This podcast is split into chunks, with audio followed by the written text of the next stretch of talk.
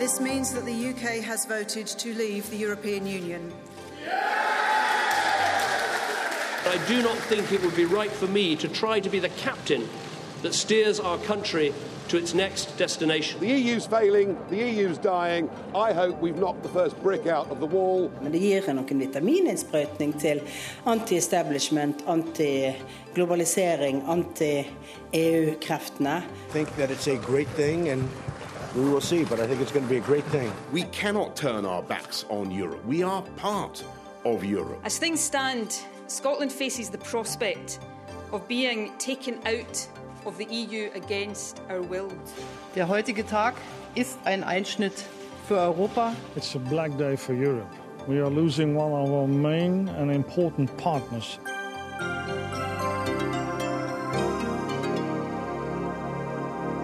Velkommen til denne spesialutgaven av Dagsnytt 18. Og stemmene vi hørte her, sier noe om ikke bare hva som har skjedd, men også hva vi skal snakke om den neste timen. Det kom som et sjokk på mange da britene bestemte seg for å trekke seg ut av EU, men Storbritannia er ikke alene om å nære motvilje mot unionen. Partier i land fra Ungarn til Frankrike og Tyskland ønsker seg en mer nasjonal politikk. Er det mulig, eller er landene nå så uløselig knyttet til hverandre at det ikke går?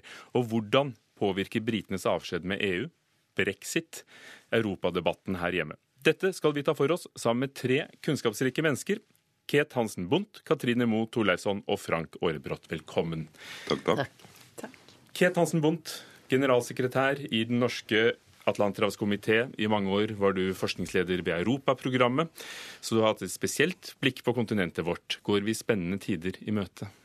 Ja, vi går spennende tider i møte. Og det som kanskje bekymrer meg mest, er at det er mange brikker i den liberale verdensorden vi stablet på bena etter annen verdenskrig, som er i ferd med å flytte på seg, kanskje falle vekk.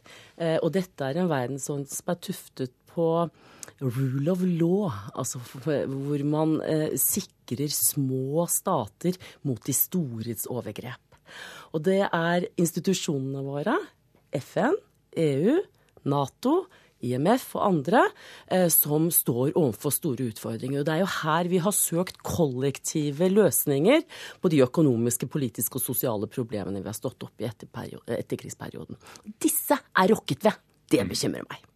Før vi går videre, du er altså leder i Atlanterhavskomiteen. Stiftet i 1955 av Stortinget. Hva gjør dere? Vi lager seminarer, konferanser, vi har kurs for lærere, men, og har et ganske bredt spekter av problemstillinger vi tar opp. Men det er klart vi er knyttet til utviklingen i Nato, og spesielt sikkerhets- og forsvarspolitikk. Og her inviterer vi til diskusjon og debatt, noe demokratiet vårt er helt avhengig av skal det overleve. Frank Aarebrot, professor i sammenlignende politikk ved Universitetet i Bergen. Velkommen og god kveld. Takk skal du ha. Du har i det siste året holdt et forrykende foredrag som mange så direkte på fjernsyn. 200 år på 200 minutter, hvor du tok for deg norsk historie. Hvis du skal se på det siste ene året av Europas historie på ett minutt, hva slår deg? Nei, Det er jo en fremvekst av en ny nasjonalistisk bølge i Europa, som vi er alle tre enige om er bekymringsfullt. Og ikke bare i Europa, også transatlantisk med, med valget av, av Trump. Selv om vi har lyspunkter, både presidentvalget i Østerrike og, og valget i Canada går jo i motsatt retning. Er det bare mørkt? Kan nasjonalismen også bringe noe, noe, godt med seg, som du ser det? Jeg tror det er svært lite. Altså, Poenget er at jeg er veldig opptatt av å sammenligne det som skjedde etter første verdenskrig med det som skjedde etter annen verdenskrig. Og den institusjonsoppbyggingen som Katrine var inne på her, var jo, er jo som skjedde det vi kaller Bretton Woods-systemet, Nato, de store regionale organisasjonene. De ble jo til etter annen verdenskrig, og de har jo vært vellykket i den forstand at vi i vår del av verden ikke har sett noen kriger av betydning. Den store krigen har vi unngått. Mens den nasjonalismen som dukket opp igjen pga. franskmennenes behov for hevn over Tyskland etter første verdenskrig, den, den, førte jo da til en ny krig bare 13 år etterpå. Altså, det, det vi ser her, er jo et, et grelt forskjell mellom det som skjedde i mellomkrigstiden og det som skjedde i etterkrigstiden. Og jeg kan jo ikke skjønne annet enn at det systemet av internasjonale organisasjoner som vi har bygd opp, og som nå foraktelig kalles for globalisering, og som en del ungdommer tror er oppfunnet sammen med internett, det, at det skal bryte sammen, det er jo dypt bekymringsfullt. Vi kommer tilbake til, til, til uh, hvor og hvordan og, når det hele oppstod. Det var altså ikke sammen med internett. Nei, til de grader. Men Jeg tror det er en del ungdommer som tror at globalisering og internett er to sider av samme sak. Katrine Mo Torleifsson, vi har både Ket og Katrine her. Katrine Torleifsson, du er forsker ved Universitetet i Oslo, sosialantropolog. Vi ble kjent med deg i forbindelse med lederstriden i det britiske uavhengighetspartiet UKIP. Eh, lite visste vel du da du begynte å studere dem hvor mye de skulle få å si? Ja, altså Jeg gjorde feltarbeid blant UKIP-velgere i 2015 og så på hva er det som motiverer både EU-skepsisen og hva er det som motiverer motstand mot migrasjon. Og nå så vi at begge deler hadde jo et veldig stort betydning for utfallet ved folkeavstemningen. Og nå ser du spesielt på nasjonalisme i Ungarn og i England. Hva er det du som sosialantropolog ser etter og, og finner som ikke statsviterne eh, får med seg? Altså For det første møter jeg jo mennesker ansikt til ansikt, og så stiller jeg spørsmål om hva er det som motiverer deres eh, motstand. Og jeg snakker med folk i alle slags eh, settinger, fra kafeer til hjemme til partimøter. Og Derfor får jeg nok en del nyanser som kan forsvinne med sånne store makrodata. Så jeg kommer tett på livene til mennesker. Og det begynte jo øh denne debatten med forløpet til eh, folkeavstemningen i Storbritannia. Og det ble en brexit. Det kom som et sjokk for mange. Og vi begynner i London med vår korrespondent, eh, vår mann i London, Espen Aas. Det har vært eh, litt av et år for deg? Det har vært et år som har skrevet seg inn i de flere, fleste historiebøker, både for Europa og Storbritannia, kan vi vel trygt si. I dagene etter det som ble hetende brexit, altså folkeavstemningen om britene skal løsrive seg fra EU eller ikke, så var det snakk om fra begge leirer at dette måtte skje raskt. Men hvor fort kan det egentlig gå? Ja, eller hvor sent kan raskt egentlig være, er kanskje en omskriving av eh, spørsmålet. Vi har jo en, en situasjon hvor så mange ønsker å bli, eh, komme videre med dette. Det ønsker eh, de store finansinstitusjonene, det ønsker regjeringen, det ønsker til og med opposisjonen. eller de som opponerte mot EU-utmeldelse, og ikke minst EU selv men det tar jo veldig lang tid. Vi har jo eh, snart rundet et halvt år siden den folkeavstemningen, og ingenting har jo egentlig skjedd. Alle venter på denne berømmelige og veldig omtalte artikkel 50-iverksettelsen i Lisboa-traktaten, altså det som eh, setter i gang samtalene mellom Storbritannia og EU om utmeldelsen. Og den skal jo ikke skje før i slutten av mars, tidligst. Ja, Det er i hvert fall det statsminister Theresa May bedyrer hver gang. Og så legger hun til at 'will make a success of it'. Det skal bli en heidundrende suksess. Men Samtidig så er det jo flere initiativer i rettsvesenet som altså, prøver å stikke kjepper i hjulene eh, i dette. Og, og, ikke minst skal britiske høyesterett ta stilling til om parlamentet må gi sitt besyv. Hvor står den saken? Ja, Der eh, skal jo Høyesterett komme med sin eh, avgjørelse over nyåret. Det er jo ikke mindre enn elleve høyesterettsdommere. Aldri har så mange høyesterettsdommere vært involvert i en sak som i denne, som skal da eh, enes om dette eh, og si om de opprettholder den avgjørelsen som ble gjort i en lavere rettsinstans om at saken må innom parlamentet, både Underhuset og Overhuset. Eller om de, eller, eller om de gir uh, regjeringen de rett i sin anke. Og ironisk nok da, så kan faktisk regjeringen anke dette videre til EU-domstolen dersom de ikke skulle få medhold i britisk eh, høyesterett. Men det kan også hende at de vil eh, se at det vil være riktigere å så la denne saken gå via parlamentet. Eh, regjeringen og parlamentet har kommet mye nærmere hverandre i denne saken, etter hvert som regjeringen har gitt bl.a. opposisjonspartiet Labour noen innrømmelser i saken, bl.a. når det gjelder å informere bedre om prosessen. Men hva vil det kunne bety? Vil det kunne bety at parlamentarikere ikke følger folkets råd? Det ville være veldig spesielt om de gjorde det. Noen har sagt at de kommer til eh, å stemme imot, men om eh, over halvparten av de 650 parlamentsmedlemmene som sitter i eh, Underhuset skulle stemme imot det, eller over halvparten av de utnevnte lordene og ladyene i Overhuset, anser jeg som veldig lite trolig. Men det kan forsinke debatten. Men politikerne vet at de har en ganske tynn tillit, tillit hos folk flest. De vet at de ba folk om råd. De vedtok at dette skulle være en folkeavstemning som de skulle følge, og da er det vanskelig å snu på det. Men i partier som Liberaldemokratene og de skotske nasjonalistene, så er de veldig oppsatt på at dette kan de komme til å stemme imot. Og noen opprørere også innad i det konservative regjeringspartiet og Labour vil det komme, men det store flertallet kommer nok til å si at OK, men vi skal i hvert fall debattere dette skikkelig først, og så vil de gjerne ha sagt ifra om alt de er uenig i denne saken. Både hvordan den eh, er eh, håndtert og hva slags etterspill den bør få. Du nevnte skottene, og vi hørte så vidt i innledningen av programmet her stemmen til eh, førsteminister Nicola Sturgeon, som ikke kan få sagt mange nok ganger at hennes folk, skottene, ikke stemte for å rive seg løs fra EU. Men hvilke håp kan hun gjøre seg? Kan hun nærme seg Brussel og fjerne seg fra London på noen måte? Altså det som gjør det vanskelig, er jo selvfølgelig at det er Storbritannia som eh, meldte seg inn i EU for 40 eh, år siden. Det var ikke fire individuelle søknader fra henholdsvis England, Wales, eh, Nord-Irland og Skottland. Men så er det jo bare flertallet i Wales og England som ønsket seg ut av EU også, da, mens Nord-Irland og, Skottland ville bli værende. Eh, og dette er veldig viktig for, for, begge land. Ikke det at det var 100 eh, oppslutning om å bli værende i EU. Det var også en viss andel i, begge de landene som syntes det ville være en idé å stå utenfor. Eh, men EU har så langt ikke ville gi så mye med dørene til Skottland, selv om de har vært på mange EU-besøk. Men deres klare mening er at de fortsatt vil være EU-medlem. Og i så fall, hvordan kan de være det? Må vi da gjennom en ny folkeavstemning om løsrivelse? Og vil det i hele tatt eh, bli åpnet eh, for noe sånt? Det er ikke sikkert. Og så er jo spørsmålet hva slags EU-medlemskap kan eh, Skottland få? Kan de bare arve det gamle EU-medlemskapet til Storbritannia, eller må de starte forhandlinger på nytt? Må de innføre euroen f.eks.? Eh, slik alle nye EU-land må. Her er det mange ubesvarte spørsmål, og heller ikke gitt at de svarene kommer på løpende bånd. Og vi må nok iallfall komme oss inn i forhandlingene mellom Storbritannia og EU en gang etter slutten av mars, eller enda senere.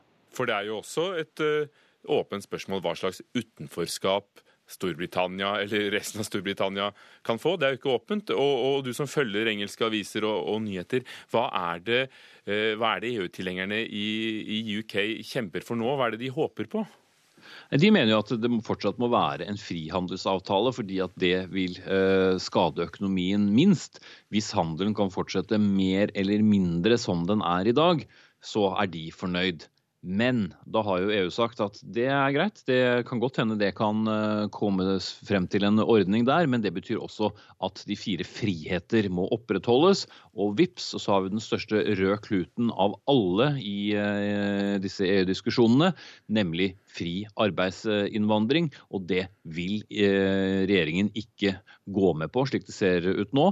De som opponerer mest mot EU, både i folket og innad i regjeringen, sier at det kommer ikke på tale. Nå skal vi endelig eh, begrense den store, store arbeidsinnvandringen som er til Storbritannia. Og da er det vanskelig å se for seg hvordan de skal eh, kunne få fri eh, markedstilgang. Det er jo det som har vært problemet for EU med Storbritannia hele veien. At eh, Storbritannia har ønsket seg en à la carte EU-meny, hvor de kan velge de rettene de liker, og droppe de de ikke liker så godt. Takk skal du ha, Espen Aas i London. Katrine Torleifsson, du som har studert UKIP på nært hold i, i, i din forskning.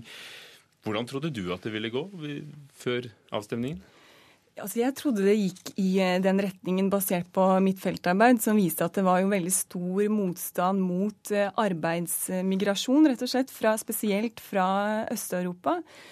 Og så er det et annet viktig moment, og det er også framveksten av engelsk nasjonalisme, som lenge har egentlig vært litt sånn stigmatisert. Og nå var det mange som sa at det var på tide å ta fram St. George, altså ta fram flagget og være stolt av engelsk nasjonal identitet. Og flere intervjuet sa også at det var på tide med et engelsk parlament. altså Utfordret også dette med å ha et britisk parlament. For det er liksom ikke lov eh, på samme måte som man i Wales har det walisiske parlament, eller det nordirske eller det skotske? Nei, det har ikke vært stuerent på samme måte. Og en sa det sånn skottene kan være stolte av å være skott, eh, skotter, og hvorfor kan ikke vi være stolte av å være engelskmenn? Men det, dette er jo også et svar på langvarig økonomisk usikkerhet. Så mange oppfattet, eh, opplevde at de var veldig stedbundne og stedfaste og hadde ikke noe framtid verken for seg eller barnebarna. Så det var eh, mange i denne da gruvebyen Doncaster som jeg jobbet, hvor det var stor arbeidsledighet, og som følte at den raske demografiske endringen var, var en eh, trussel mot deres velvære. Så denne dagen i juni, da resultatet kom, da, da var du faktisk ikke overrasket? Da var jeg ikke overrasket i forhold til hvor stemmene kom fra. Hvis du så hvor brexit-stemmene kom fra, så kom de også fra byer som stemte for UKIP. De kom også noe fra Sør-England, men jeg var ikke overrasket i forhold til analysen som viste også at det var forskjell på generasjoner her òg. Ja. Frank Aarbrot, hva, hva, hva, trodde du? Hva, fikk du deg et lite sjokk, eller ikke? Ja, altså overraskelsen. Jeg, jeg så jo muligheten for at eh, brexit-folkene kunne vinne. Men her er jo selve dette overraskelsesmomentet noe av det som kan være et lite lys i enden av tunnelen når vi snakker på slutten av 2016 og skal inn i 2017. Nemlig dette at det nettopp er en overraskelse. Valget av Trump og brexit er overraskelser. Og der har jo empirien gitt oss da et eh, laboratorium å studere, nemlig Østerrike. Der du hadde to presidentvalg med de samme to kandidatene og der det var meget knapt i den første valggangen, så knapt at det ble omvalg. Og i den andre omvalgen vant motkandidaten til nasjonalisten med langt flere stemmer enn han hadde i den første omgangen. Og det er jo fordi at det var overraskende at nasjonalisten fikk så mye i første omgang at de andre mobiliserer. Når det gjelder brexit, er jo det ganske klart at hvis du ser på valgdeltakelsen, særlig blant de unge, så var den lavere enn forventet slik at ved en ny folkeavstemning i Storbritannia, på linje med den andre presidentvalget i Østerrike, ville sannsynligvis resultatet gått andre veien. Og Det samme gjelder jo da når man oppdager at Trump plutselig blir president i USA. Så ser vi jo da en masse ungdommer som har stemt på Stein fra Miljøpartiet og gud vet hva som ikke likte Hillary Clinton. Som nok ville stemt annerledes om det hadde vært et nytt presidentvalg. Altså, Denne sjokkeffekten mobiliserer, motmobilisere, eller mobilisere motkreftene. Så motkreftenes mobilisering skal vi ikke se bort ifra. Kate Hansen Bundt, Østerrike, et eh, talende eksempel. Ja, der gikk det jo annerledes enn det har gått eh, på de andre stedene. Men det jeg har lyst til å si er ikke for å utfordre valgforskeren eh, Aarbrot. Men det som er bekymringsverdig, er jo rett og slett at vi ikke klarer å måle hvordan elektoratet, altså velgerne våre, opptrer. Eh, og det har vi ikke klart i 2016. Og så det, sier man at de ville ha stemt annerledes, men det forutsetter at de da hadde visst hvordan man stemte første gangen. Og dette er bekymringsverdig for valgforskere og statsvitere at vi har folk som eh, er, befinner seg i en situasjon. De føler en økonomisk, sosial situasjon som de føler at ingen av på en måte de etablerte partiene klarer å gi dem løsninger på. Derfor stemmer de helt annerledes enn det vi hadde antatt at de skulle. Jo, men nå gjør vi den feilen at vi ser på et valgresultat uten å dekomponere det. Eh, et valgresultat eh, som er binært, altså der du har to alternativer.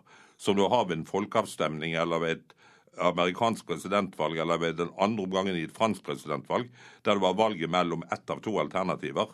Der vil det seirende alternativet aldri bare bestå av frustrerte stålarbeidere og kullgruvearbeidere i, i, i rustbeltet i England og USA f.eks.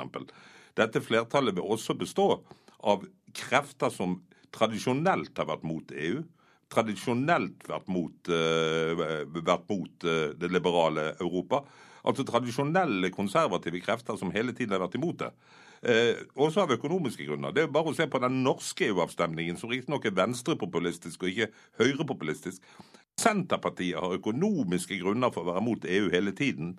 Men de som da lar seg rive med i en venstrepopulistisk bølge, det er jo da folk som ikke er opptatt av bøndenes kår, men som altså er opptatt av at de er frustrert over at det politiske system er for vestlig orientert. I denne sammenhengen så kommer det altså er, Jeg vil ikke si at det er dråpen som får begeret til å flyte over, men populismen kommer på toppen av en allerede etablert eh, EU-motstand i Storbritannia. Vi, vi skal også vende blikket mot både Norge og andre land i Europa. For å holde oss litt uh, lenger i de forente kongedømmene i Storbritannia.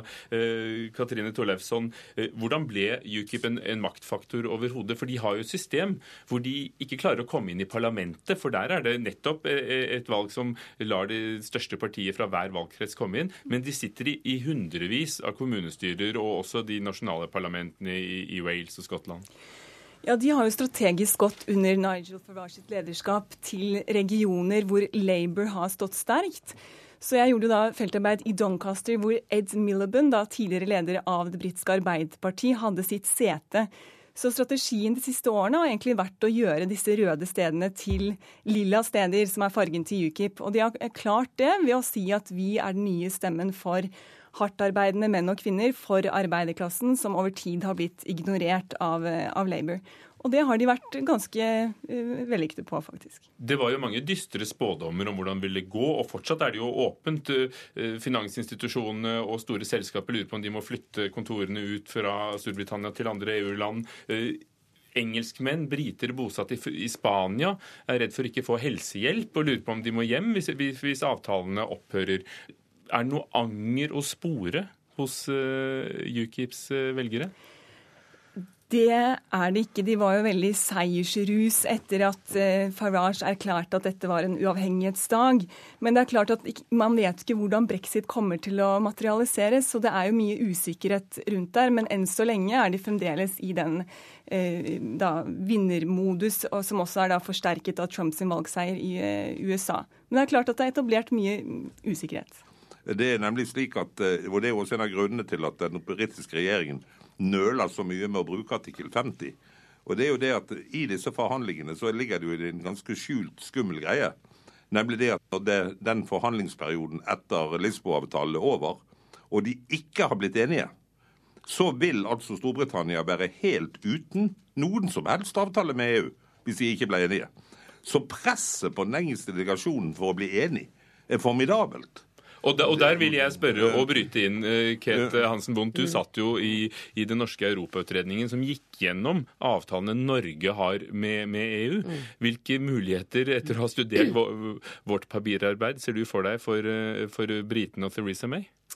Nei, det er klart de kan få en tilsvarende sånn, altså EØS-avtale, men det har de jo ikke gitt uttrykk for at de ønsker å bli opptatt i eh, vår ordning. Den norske modellen, som de sier, passer kanskje for et lite land, hvor man ikke har noen innflytelse, men hvor man er eh, avhengig av å inkorporere lovene som kommer fra Brussel.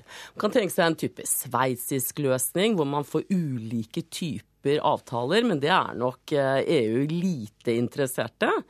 Ehm, og jeg tror vel at eh, når avtalen skal meisles ut, så er det politikk som kommer til å dominere. Man skal ikke glemme Storbritannia er et stort land.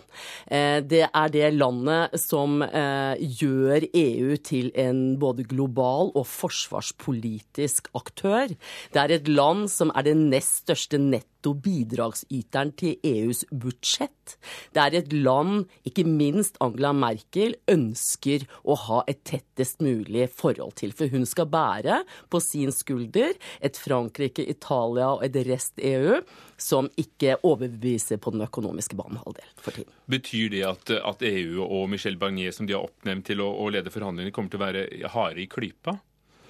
Eller at de kommer til å, å, å tvert imot la dem få så, så mye de vil ha, fordi tross alt vil ha forbindelsene? Mm, de vil ikke la dem få alt det de vil ha. Eh, men eh, de vil nok eh, også kjempe for EUs synspunkter, selvsagt, fordi man er redd for en smitteeffekt. At andre, hvis britene får en for god avtale, vil kreve særordninger på sin side. Men på en annen side så må de jo De kan ikke støte Storbritannia ut av Europa.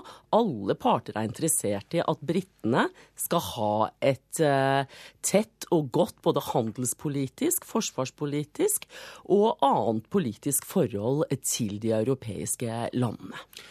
Frank Aarebrot, var, var det feil, som du ser det, av av David Cameron som statsminister å, å be folket sitt om råd i denne saken? Ja. Altså det å lage en binær uh, situasjon altså der du skal stemme ja eller nei, det er jo noe av det dummeste du gjør hvis du skal bekjempe nasjonalisme. For det er mye lettere hvis det nasjonale alternativet er nei, å stemme nei. Fordi at nasjonalstaten er mye mer kjent blant folk flest enn de internasjonale samarbeidsorganisasjonene er det. Men samtidig, Men det, det er noe EU parallelt her mellom Trygve Bratteli i 72 og Cameron. I begge tilfeller var ikke problemet Storbritannias medlemskap i EU. Problemet var splittelsen i regjeringspartiet. Konservative i Storbritannia, Arbeiderpartiet i Norge. Og da valgte en svak partileder å prioritere å holde sitt eget parti samlet ved å trenge ut en folkeavstemning fremfor nasjonens interesser. Og det er like pinlig i begge tilfeller. Det var bare for å harmonisere forholdet i det konservative partiet at Cameron gjorde, innførte folkeavstemning. Og når Bratteli gjorde det samme, så var det hensyn til Arbeiderpartiet, i Norges enhet. Men i, de to første valgomgangene, der Norge kunne blitt medlem på 60-tallet, var det aldri snakk om noen folkeavstemning. Altså Poenget er at Norge og Storbritannia er parlamentariske demokratier. Det er de folkevalgte som skal bestemme. Vi har aldri hatt noen folkeavstemning om Nato-medlemskapet vårt, f.eks. Det er altså en meningsløs greie, dette som både Renzi gjorde i Italia, som Cameron gjør, når man lager disse folkeavstemningene. Vi husker jo hva som skjedde med EUs grunnlov når eh, Mitterrand og nederlenderne i et anfall av overmot la grunnloven om til folkeavstemning. Så ble den avvist i to kjerneland i EU. Altså Poenget mitt er at binære valg, eh, der du kan ha en tradisjonell gruppe, og så får du den populistiske, eh, nasjonalistiske reaksjonen på toppen av den tradisjonelle gruppen, da blir det veldig lett for å få et flertall. Det er livsfarlig, disse Og det fikk jo altså UKIP i England, eh, Katrine Torleifsson. eh, De vil vel neppe være enig i at eh, dette ikke var noe for folket å bestemme ved en avstemning. Men hvilken fremtid har UKIP nå, nå som de vant den ene viktigste kampsaken? Ja, jeg tror nå under ledelse av Paul at de kommer til å fortsette Farage sin strategi, og det er å være dette nye arbeiderklassepartiet. Så jeg tror at de har en rolle å spille i britisk eh, politikk enn så lenge, når Labour ledes av Jeremy Corbyn. Så eh, er det mange som er mer verdikonservative, som vil både utfordre eh, Tory, altså de konservative, og utfordre eh, Labour, og kan da gi sin stemme til et UKIP som eh, vil sørge for at eh, brexit skal bli en såkalt suksess. Kenneth Hansen Bondt, er det, er det feil eller riktig å, å gi folket et uh, ord med i laget på, på denne måten, selv om det kanskje var for å rydde opp i egne rekker? Nei, det har jeg ikke noe mening om. Men eh, vi er demokratier, og når man spør folk om råd, eh, så må man ta det til etterretning. Og jeg tror ikke det bare er avstemningsmåten, det at man hadde en folkeavstemning som har gjort, eh, fått disse utslagene det siste året. Det er også Det foregår reelle økonomisk, sosiale og politiske ombrytninger i vårt samfunn fremskaffet av både en globalisering som endrer de økonomiske forholdene globalt, eh, og som har slått ulikt inn i de ulike europeiske landene og USA, hvor det er helt opplagt at det er en klasse som taper eh, mer enn en annen, at man skaper ulikheter og mistillit på innsiden av nasjonalstatene. Og så har vi fått mistillit mellom medlemsstatene bl.a. i EU pga. eurokrise, flyktningkrise, som har slått inn hardt, og hvor man ikke er enige om å dele på eh, kostnadene. Og vi skal nettopp rette blikket fra øya Storbritannia til de andre landene i Europa.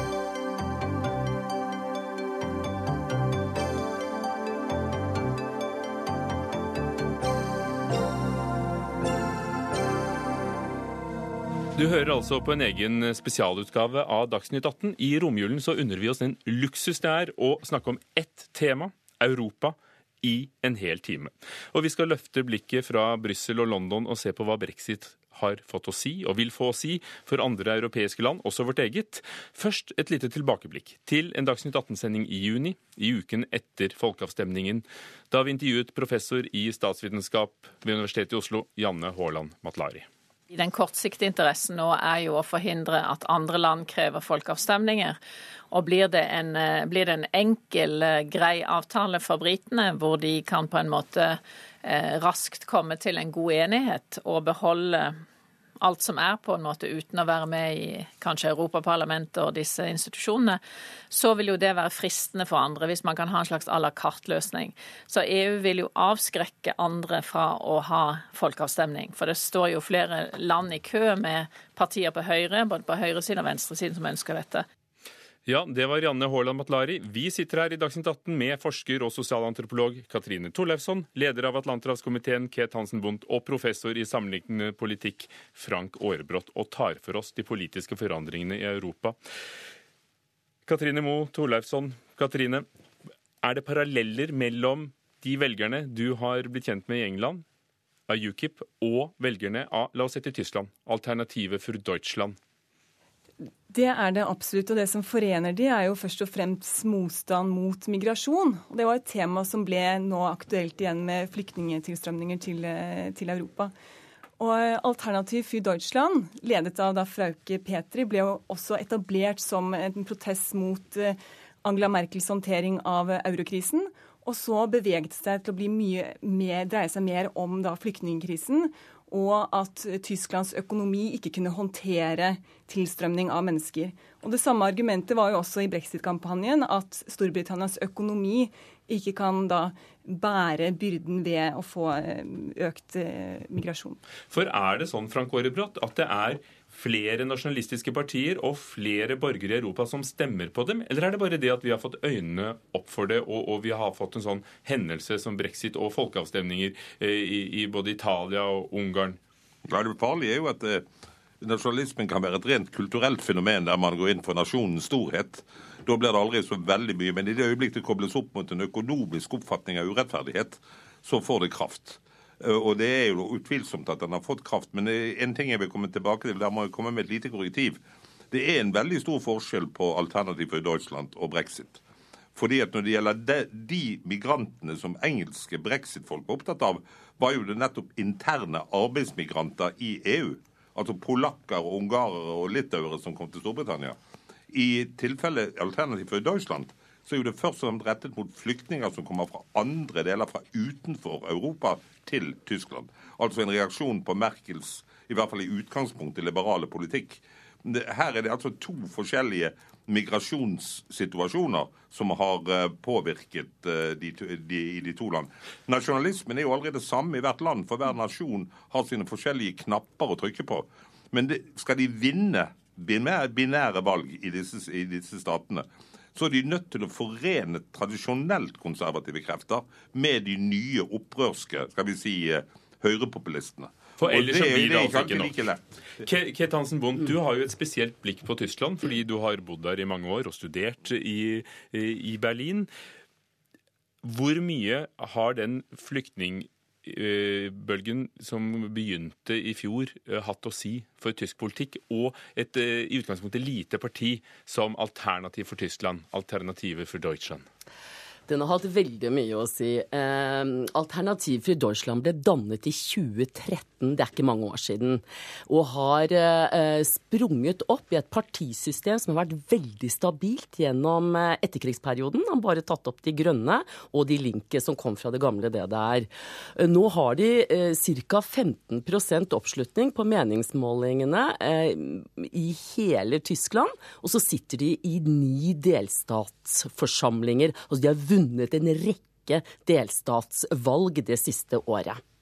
Det som gir dem surstoff, det var for det første euromotstand, og den er der fortsatt, fordi de mener fellesvalutaen er kriseskapende i Europa.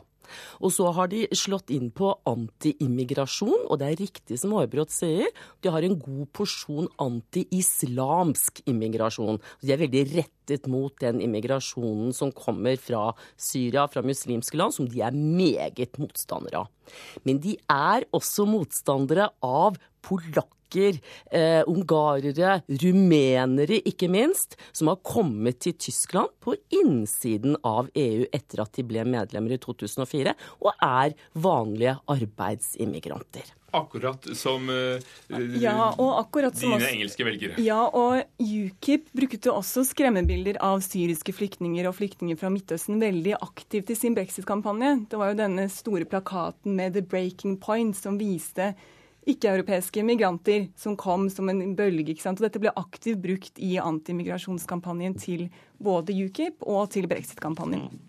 Men likevel er vektleggingen forskjellig på de to fenomenene i de to land. Og euroskepsisen, EU-skepsisen, er, er, mer begrenset i, i, i Tyskland. Ja, det er klart. Fordi EU er jo på mange måter dannet rundt Tyskland for å bake inn, binde inn Tyskland etter annen verdenskrig og skape et system som gjorde at Tyskland kunne eh, eksportere varene sine, få et stort indre marked, eh, og de har en god økonomi. Men det er klart hele de samtidige krisene som vi har stått oppe i de siste fem årene, med eurokrisen hvor tyske skattebetalere rett eller urett opplever at de må betale for slappe søreuropeere, dette kan vi snakke mye om, eh, flyktningkrisen, eh, den sikkerhetspolitiske krisen man også føler, det har på en måte eh, skapt utrygghet i forhold til et EU-system, om de klarer å svare på folks hverdagsproblemer. Man opplever ikke at institusjonene produserer løsninger på det man står midt oppi. Men du som kjenner Tyskland, og, og bodde der eh, allerede på tidlig 80-tall, i det som da var eh, DDR, og har sett eh, overgangen til ett forent Tyskland. Hadde du sett det komme? Hadde du sett den misnøyen du akkurat beskrev, komme i form av et politisk parti som nå sitter altså i en mengde kommune- og delstatsting, selv om de ikke kommer inn i forbundsdagen? Nei, og det er det jeg mener, at dette er litt sånn overraskende. Noe vi statsvitere ikke klarer å måle, ikke klarer å forutse. Fordi i Tyskland, med den historiske bakgrunnen de har, hele naziperioden, som på en måte alltid ligger der som en sånn aldri hvilende premiss når tyskere skal utforme politikk, Eh, så ville man ikke trodd at det skulle til et parti så langt til høyre som AFD. Ei heller fordi Tyskland har altså en arbeidsledighet på omtrent 5% 5-6% Økonomien går så det griner. Og man har på en måte ikke de samme utfordringene som man har sett i Sør-Europa pga. Euro, eh, eurokrisen. Men så skal det sies at ved siste valg i Tyskland så fikk man nok en storkoalisjon. Altså at kristeligdemokrater, som Merkel tilhører, og sosialdemokrater samarbeider i regjering. Det ville vært det samme som at Høyre og Arbeiderpartiet skulle samarbeide i Norge. Da blir det forferdelig eh, altså, trangt for de som mener noe annet enn disse to store folkepartiene. Og de spretter da ut til sidene i det politiske eh, systemet. Og det er altså 16% av de som stemte ved valget valget, har ingen til å fortelle eller til å, å målbære sin politikk eller sine interesser. Ja, men altså, jeg føler meg fryktelig gammel når jeg sitter her nå. for det at jeg vil jo minne om at i det området der de spesielt gjør det bra, er jo det tidligere Øst-Tyskland. Og der har vi jo hatt ganske mange rare partier i årene etter den tyske gjenforeningen. Men i det gamle Vest-Tyskland på 60-tallet, når den første storkoalisjonen kom til med Kurt Georg Kiesinger og Willy Brandt, da var det jo nettopp fordi det hadde oppstått et nasjonalistisk parti som het Nasjonaldemokratene, som hadde blitt representert i opptil flere av delstatsforsamlingene i det gamle Vest-Tyskland. Og det var reaksjonen mot disse nye høyrekreftene som gjorde at sosialdemokrater og kristeligdemokrater for første gang i etterkrigstiden dannet felles regjering i Tyskland. Katrine Torleifsson, hva skjer når folk eh, med en gang de kommer inn en ny eh, stemme på siden, da blir møtt av en storkoalisjon, eh, slik at de ikke blir hørt? Ja, så De føler seg jo ignorert og, og latterliggjort. Og når du ser at uh, f.eks. mennesker i Mecklenburg-Vorpommern ser at Alternativ for Deutschland er et parti for dem, så er det jo denne at du føler deg en avstand til de politiske mm. elitene. Mm. Og du mener også at Angela Merkels politiske håndtering av flyktningkrisen har også dratt uh, Tyskland i en for liberal retning. Så det er jo også i høyeste grad en ønske om å beskytte en slags nasjonal kultur og identitet og egenart. Ja, Gjør det dem kraftigere og gir det dem næring, eller, eller vil storkoalisjoner og, og den store majoriteten til slutt ta dem opp i seg? Nei, Vi så jo det samme i Østerrike. De er jo også blitt ledet av en storkoalisjon gjennom det meste av etterkrigsperioden. Eh, av de to store eh, folkepartiene. Og der har vi hatt eh, litt sånn ulike valgresultater det siste året, men vi har jo fått fremveksten av et parti som også er til høyre. Men jeg tror det er helt riktig som Katrine sier her, at flyktningepolitikken til Merkel har vært surstoff for AFD. For altså det kom, man trodde det var én million, men det kom 880 000 eh, flyktninger bare i fjor. Eh, 450 ca. 1000 av dem har stilt søknad om asyl.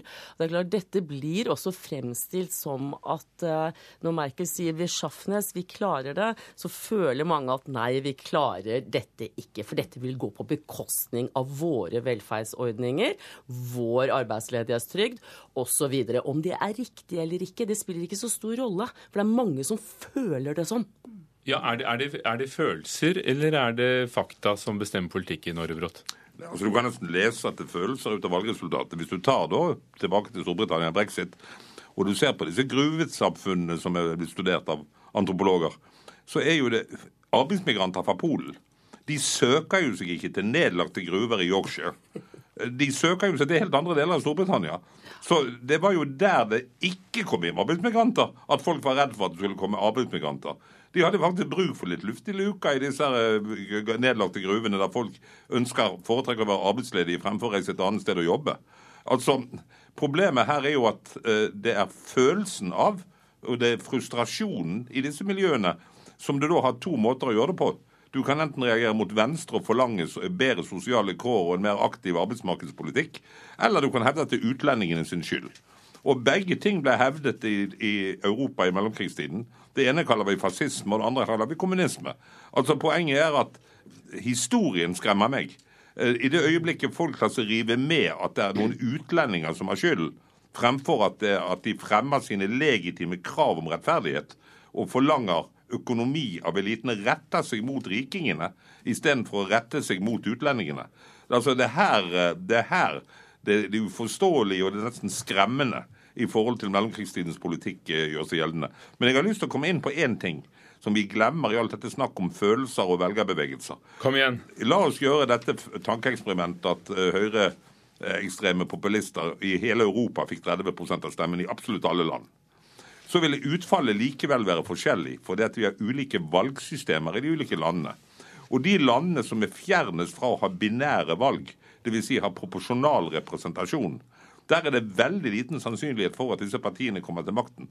Jeg ble nesten opphisset over at når man liksom sammenligner eh, Marie Le Pens mulighet til å bli president med Frankrike med Gert Wilders mulighet til å bli statsminister i Nederland, så får jeg gysninger på ryggen som statsviter når jeg ser journalister skriver slikt.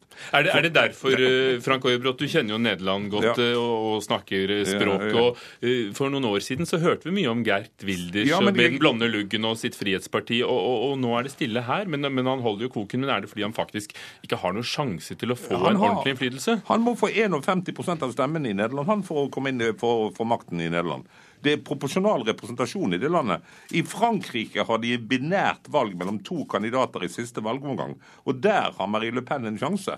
Men i Nederland vil du altså ikke greie å få makten med mindre du har makten alene. Eller du går inn i koalisjon med noen andre. Eh, men da må jo du modifisere din politikk. Og, dermed, og Det er jo egentlig veldig farlig for et høyrepopulistisk bevegelse å skulle modifisere en politikk. Kan du se noen paralleller til Skandinavia f.eks.? Ja, i aller høyeste grad. Du vil jo, vil, vil jo, finne Noen vil jo si at Fremskrittspartiet er noe en mild bris i forhold til mange av disse andre populistiske partiene vi ser i Europa. Men det er jo likevel slik at uh, de har jo forsøkt seg å kjøre beinhardt mot bompenger, f.eks. Og de har vært nødt i en koalisjon med Høyre til å bygge ut mer bompenger enn noen andre har gjort. Og Det er klart at det gjør jo det litt vanskeligere å stille til valg neste gang. Jeg tenkte jo egentlig på Sverigedemokraterna, men Ja, Sverigedemokraterna er omvendt. Altså, der er jo det slik at de borgerlige partiene har bestemt seg for å boikotte Sverigedemokraterna. På samme måten som tyskerne gjorde det under i 1960-årene, og i og for seg gjør det i dag også. Og den muligheten eksisterer i et proporsjonalt system. At du gjennom en avtale mellom de etablerte partiene kan boikotte dem og hindre dem å komme til makten. De er altså avhengig av alliansepartnere for å komme til makten i PR-systemer. Mens i binære systemer, som i USA eller i Frankrike, så kan de komme til makten i, når, det, når, valget står mellom to kandidater. Og Nå tar jeg ordet fra deg, Frank Aarebrot, ja, ja. og bringer det over fjellet ja. til, til, oss her i Oslo. Katrine Torleifsson, du har sett spesielt på et land som nettopp har, hatt kommunisme av hardeste merke tidligere i etterkrigstiden, nemlig Ungarn. Eh, Frank Orban og hans eh, parti prøvde seg også med folkeavstemning, der de fleste gikk imot disse innvandrerkvotene eh, fra EU. Men det var ikke nok som stemte. Er, hva skiller den ungarske nasjonalismen fra de andre partiene vi har snakket om her? Altså, Viktor Orban har jo vært veldig motstand mot dette kvoteforslaget fra Tyskland og Frankrike om relokalisering av flyktninger i, eh, i eh, Europa, og kategorisk avvist dette byrdefordelingen. Men det som skiller nasjonalismen der, er for det første er den også bygget på ideen om en gyllen fortid, om en storhetstid. Og den er også eh, dreier seg rundt om dette behovet for å beskytte kristen europeisk sivilisasjon. Og jeg fulgte spesielt et parti som er enda til høyre for Fides, som eh, statsministeren kommer fra, som heter Jobbik. Som har en veldig klar idé om at liberalisme er hovedfienden, og ikke minst de liberale elitene og, og EU. Men det er klart at her var det flyktningekrisen og tilstrømmingen av migranter på, til Ungarn, som var på vei til Tyskland, som skapte stor frustrasjon. Fordi her var det mange ungarere som følte at de sto nærmest i kø for å få tilgang til arbeidsmarkedet i Vest-Europa, som følte seg forbigått av ikke-europeiske migranter. Så er, De følte at de ikke fikk nok av EU-kaken, rett og slett, og det motiverte også da denne store motstanden. Ja, Kate Hansen Bolt. Ja. Jeg har et spørsmål på tungen, men kom med det du har på hjertet. Ja, nei, jeg tenker at det er, det er, mye følelser, ja, men det er jo også reelle interesseforskjeller og økonomiske forskjeller i våre europeiske samfunn. Altså, Ungarn har ikke det velferdssystemet som kanskje altså Tyskland og vesteuropeiske EU-medlemmer har. Da er det enklere for de vesteuropeiske landene å ta opp i seg flere flyktninger. Vi må ikke glemme det. Og det leder meg til det spørsmålet jeg hadde på mm. tungen, nemlig EU, som fikk Nobels fredspris i 2012, som var dannet for å, å, å bl.a. sørge for at vi ikke skulle krige mot hverandre ved å integrere oss økonomisk. Og det står i, i grunnprinsippene at de skal arbeide for en stadig tettere union. Står det fredsprosjektet i fare hvis folk har så forskjellige økonomiske interesser og, og trekker i hver sin retning og, og pønsker på å tre ut av, uh, av EU-samarbeid eller pønsker på å tre ut av det frie indre marked? Jeg tror det er sluppet en stor grad av mistillit inn i systemet. Eh, og det er mellom eh, medlemsstatene, og det er innad i statene. Pga. at vi har hatt mange samtidige kriser, som vi har vært inne på tidligere.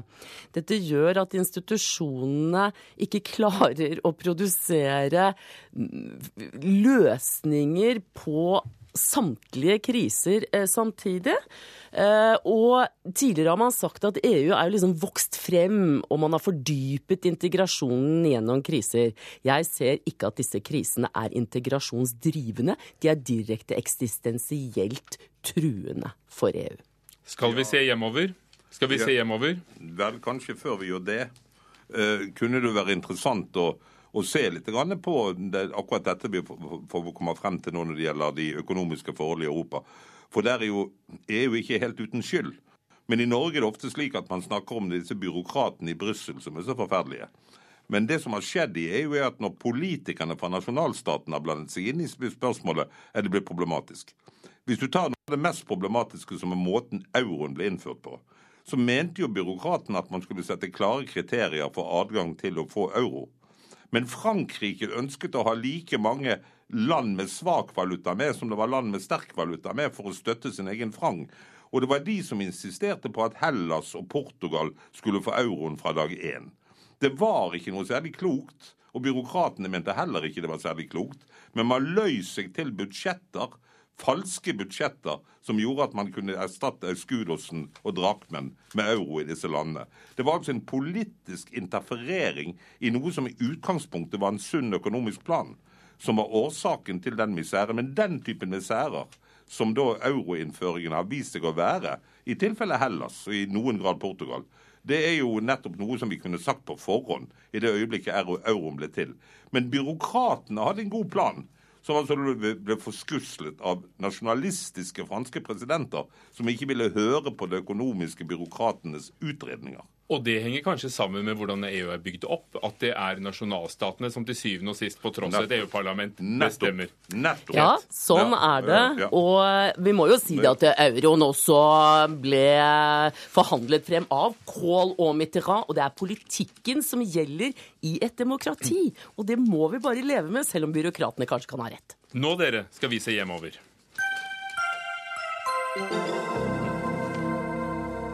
Du hører på Dagsnytt 18 i NRK P2, som i dag låter litt annerledes fordi vi snakker om Europa i løpet av hele sendingen. Og alt det vi har tatt opp til nå i denne spesialutgaven, har dreid seg om land utenfor Norge. Brexit og EU-skepsisen har nemlig også blåst nytt liv i den norske debatten om vår tilknytning til Europa. I sommer, uken etter britenes avstemning, kunne vi høre følgende ordveksling mellom Høyres Henrik Asheim og Senterpartiets Ole Borten Moe.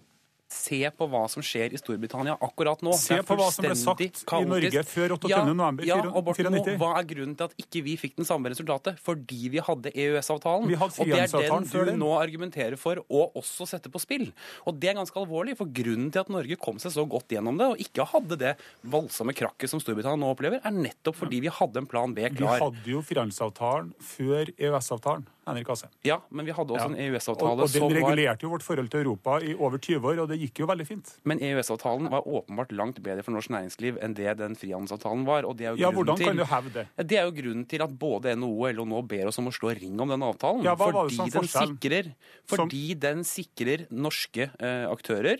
Altså To tredjedeler av investeringene inn til Norge kommer fra EU. Nå har vi et likt rammeverk for alle EUs medlemsland. Den store bekymringen nå Borten Moe, er jo ikke vårt forhold til EU, det må jo for guds skyld bevare. Men hør her, vi er var jo- vi var jo er ikke vårt en isolert flekk i er Europa svært før EØS-avtalen som nå har gått ut av EU da, det rammeverket. Og det store spørsmålet nå er hva de skal gjøre. Og det de peker på nå, også på livsiden, er jo EØS-avtalen.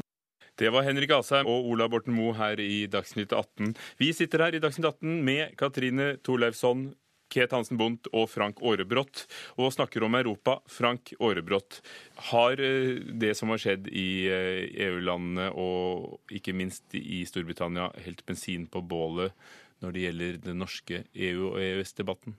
Ja, du kan jo si vi ser på hva sikt lenge før brexit på den indre utviklingen i organisasjonen Nei til EU, så var jo den eh, i 94 en organisasjon som besto av både EØS-tilhengere og EØS-motstandere, som da kjempet sammen mot norsk medlemskap i EU. Det som har skjedd i, relativt kjapt etter folkeavstemningen, var jo at EØS-motstanderne har passivisert seg i organisasjonen, og de som er igjen i organisasjonen, er nå EØS-motstanderne. Slik at Nei til EU er jo nå egentlig en Nei til EØS-organisasjon som ligger der hele tiden. Eh, og Det som er interessant i den senere utviklingen, er jo da at enkelte politikere, bl.a. fra regjeringspartiet Frp, har latt seg friste med å gå ut og begynne å snakke om at de vil være motstandere av EØS, som f.eks. Per Sandberg. Det kan jo gi da en ny styrke til, eh, til eh, et krav om at Norge skal forlate EØS. Men jeg har vel den tro at det ikke kommer til å skje.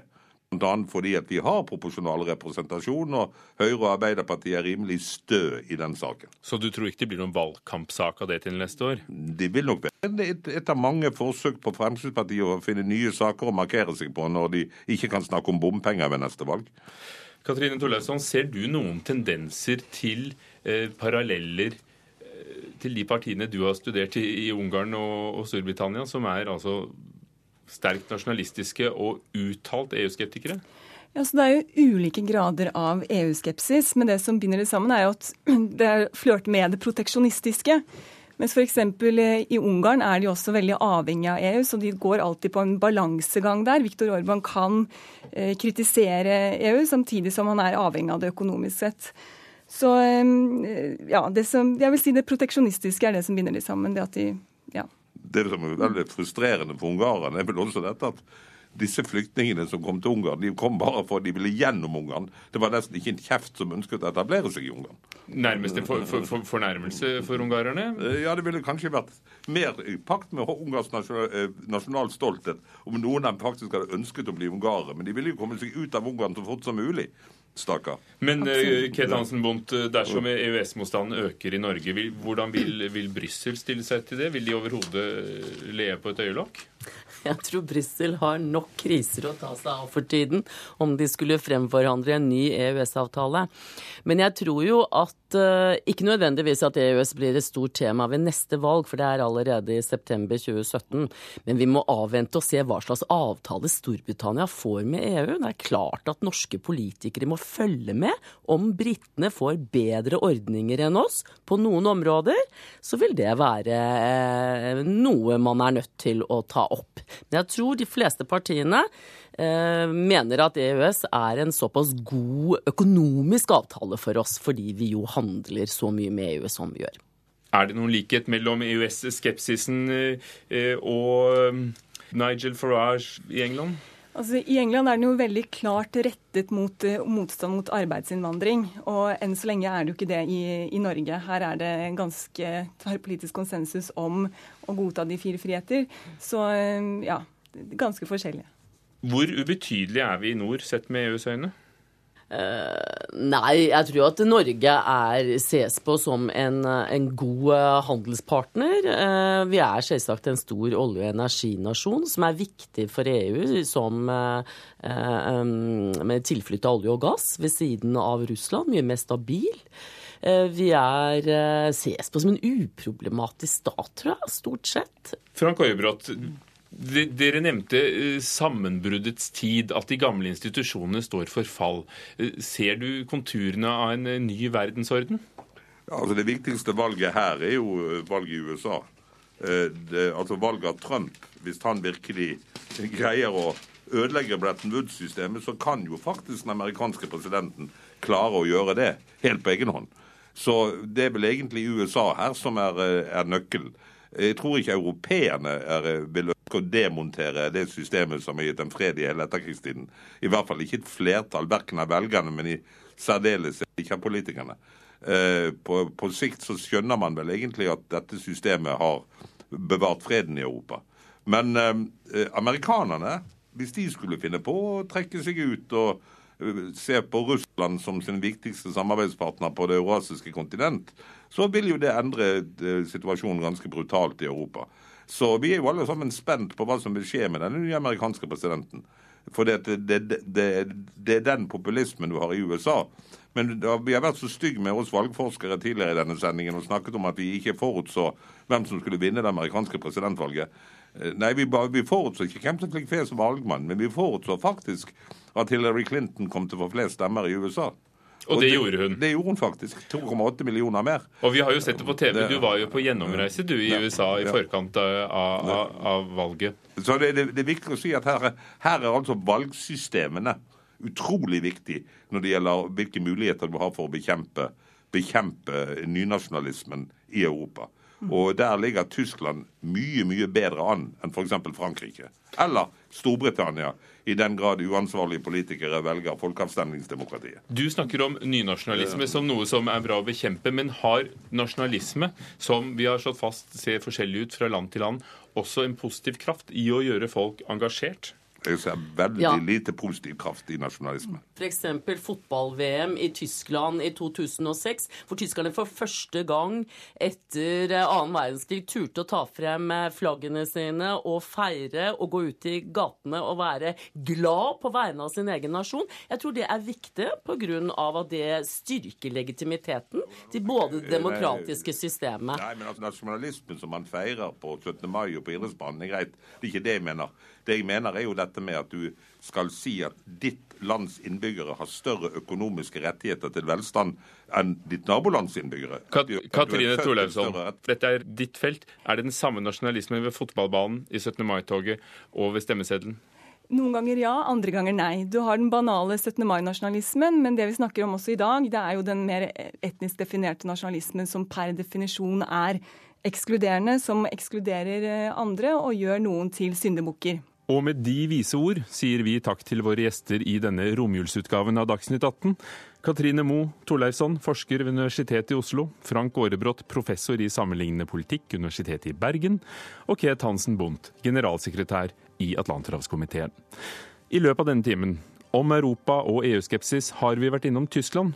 Og da har du kanskje undret deg over hvorfor ingen av oss kom inn på de politiske reaksjonene etter terrorangrepet i Berlin mandag i forrige uke. Det hadde vi nok gjort om ikke dette programmet var blitt laget før det skjedde. Det har vært mye å få med seg, derfor er det så viselig innrettet at det går an å høre hele utgaven av Dagsnytt 18 om igjen på radio nrk.no. Ansvarlig for sendingen har vært Fredrik Lauritzen, i studio Ugo Fermariello.